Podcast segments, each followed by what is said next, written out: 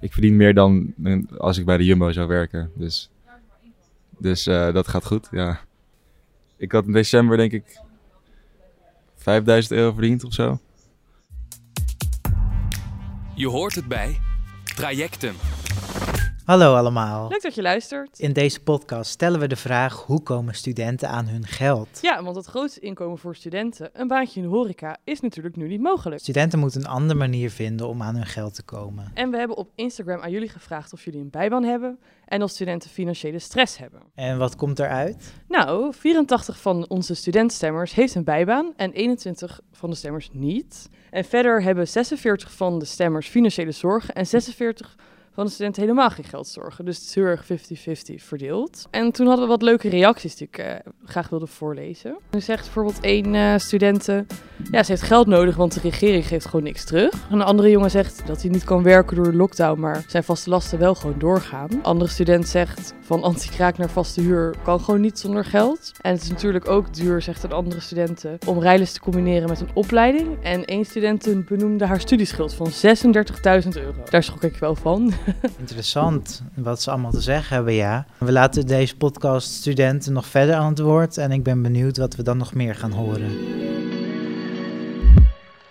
En Lucas, hoe kom jij tijdens je studententijd eigenlijk rond? Had jij een bijbaan? Ja, ik begon eigenlijk best wel jong met freelancen. Ik heb journalistiek gestudeerd, dus ik begon ook uh, met schrijven en daar geld voor vragen en bloggen. Maar ik heb ook gewerkt voor het promotieteam van mijn school, bijvoorbeeld op open dagen en uh, ik gaf dan voorlichtingen en zo. En jij? Oh, best wel toffe baantjes eigenlijk. Ja, ik heb echt mega veel uh, bijbanen gehad. Okay. Maar ik zal even uh, focussen op de bijbaan die ik had op, in mijn studententijd. Toen ik echt net in Utrecht kwam wonen, heb ik in een callcenter gewerkt. Tergend saai. Ik wou zelfs zo breiwerk meenemen om te doen, zo tijdens bellen. maar dat mocht al niet. Toen waren ze ook helemaal een shock.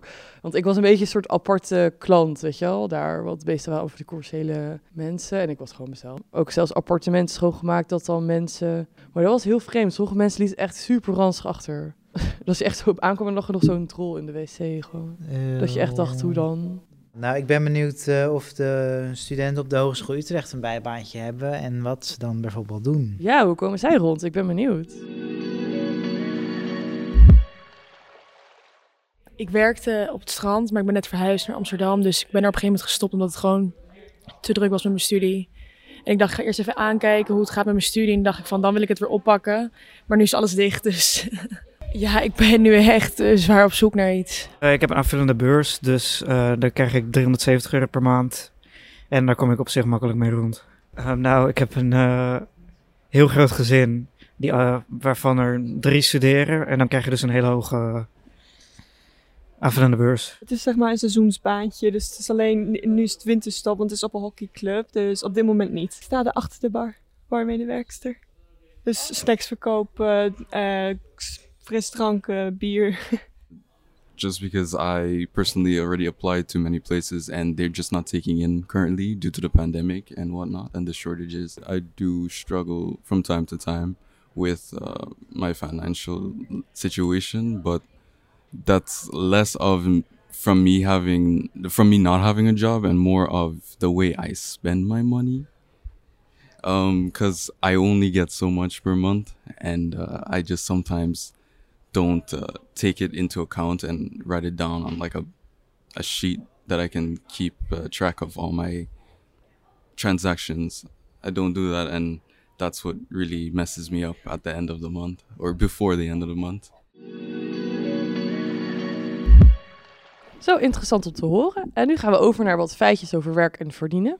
Ja, want weet je hoeveel procent van de studenten een lening heeft? Uh, ik denk al heel veel. Ja, ja bijna 70 procent blijkt uit cijfers van het CBS uit 2019. 70 echt heel veel. Ja, en hoeveel procent denk je dat een bijbaan heeft van de studenten? Nou ja, als zoveel lenen denk ik uh, 70 ook of zo. Nee, nog meer, 85 procent. Oh ja, want ik las ook bij het CBS dat hoe jonger de generatie studenten, hoe hoger de lening- en bijverdiensten zijn. En uh, weet jij wat de best betaalde bijbanen zijn volgens vacaturesite Beeks?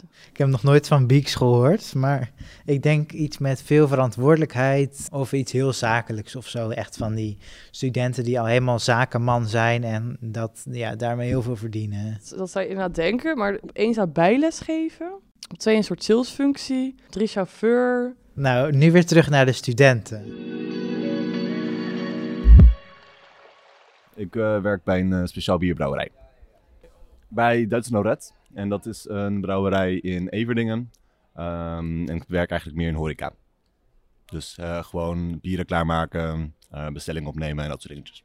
Of ik misschien kan, in een teststraat kan werken of daar misschien uh, achter een scherm of iets. Gewoon, want daar kan je, gewoon krijg je hoge loon voor weinig werk. Dus ja, precies. Ik dacht van, dit is gewoon een snelle manier.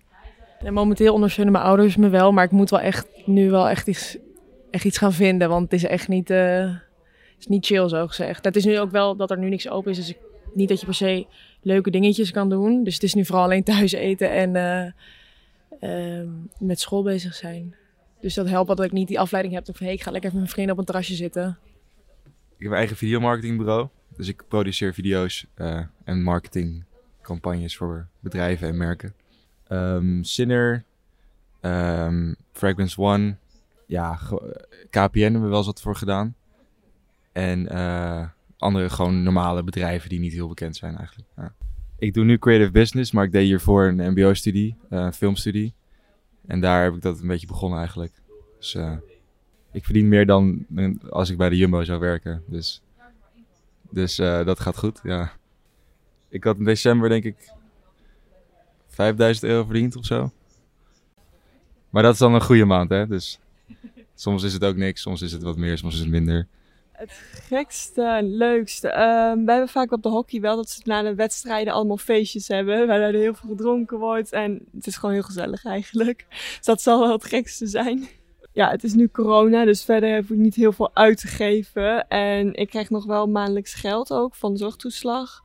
En nog een beetje zakgeld. dus uh, nee, het valt wel mee. Het is voor mij wat te doen nog. Flappen, duiten, euries, dinero, centen, pegels, poen, pingpong. Allemaal mooie bijnamen voor geld. Maar hoe verdien je het beste geld als student? Nou, we hebben hier wat mooie tips voor jullie. Ik heb weer de banen opgezocht die goed verdienen. Zoals uh, je kan boomverzorger worden. Als je dus bijvoorbeeld een natuurliefhebber bent en een passie hebt voor bomen. Dan kom je wellicht in aanmerking voor een functie als boomverzorger. Maar je moet geen hoogtevrees hebben. Je verdient gemiddeld tussen de 2400 en 2600 euro bruto per maand.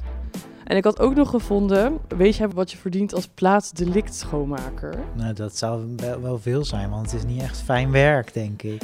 ja, je moet echt menselijk uitwerpselen bloed, vaak chemicaliën schoonmaken. Volgens Men's Health is het echt tussen de 1000 en 1700 euro per dag. Per dag? Maar het ligt ook zo hoog natuurlijk, omdat er niet altijd een plaatsdelict is. En omdat het zo'n heftige... Ja. ja. je bent gewoon uitwerpselen en weet ik veel wat allemaal ja. aan het uh, schoonmaken. En dan heb ik nog wat tips van Vice, van hoe je eigenlijk met een goed cv gewoon verder komt en wat je daarvoor moet doen.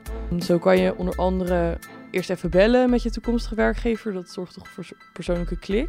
Ja, en je LinkedIn een beetje bijhouden. En ook uh, als een tip van Vice vond ik wel een goede van stel je hebt niet zoveel werkervaring nog, wat logisch is als je jong bent en je moet ergens beginnen. Uh, schrijf dan iets van in je brief van ik kan niet wachten, ik sta te popelen, weet je, gewoon benadruk gewoon je enthousiasme. En dan nog een hele concrete tip voor een baan.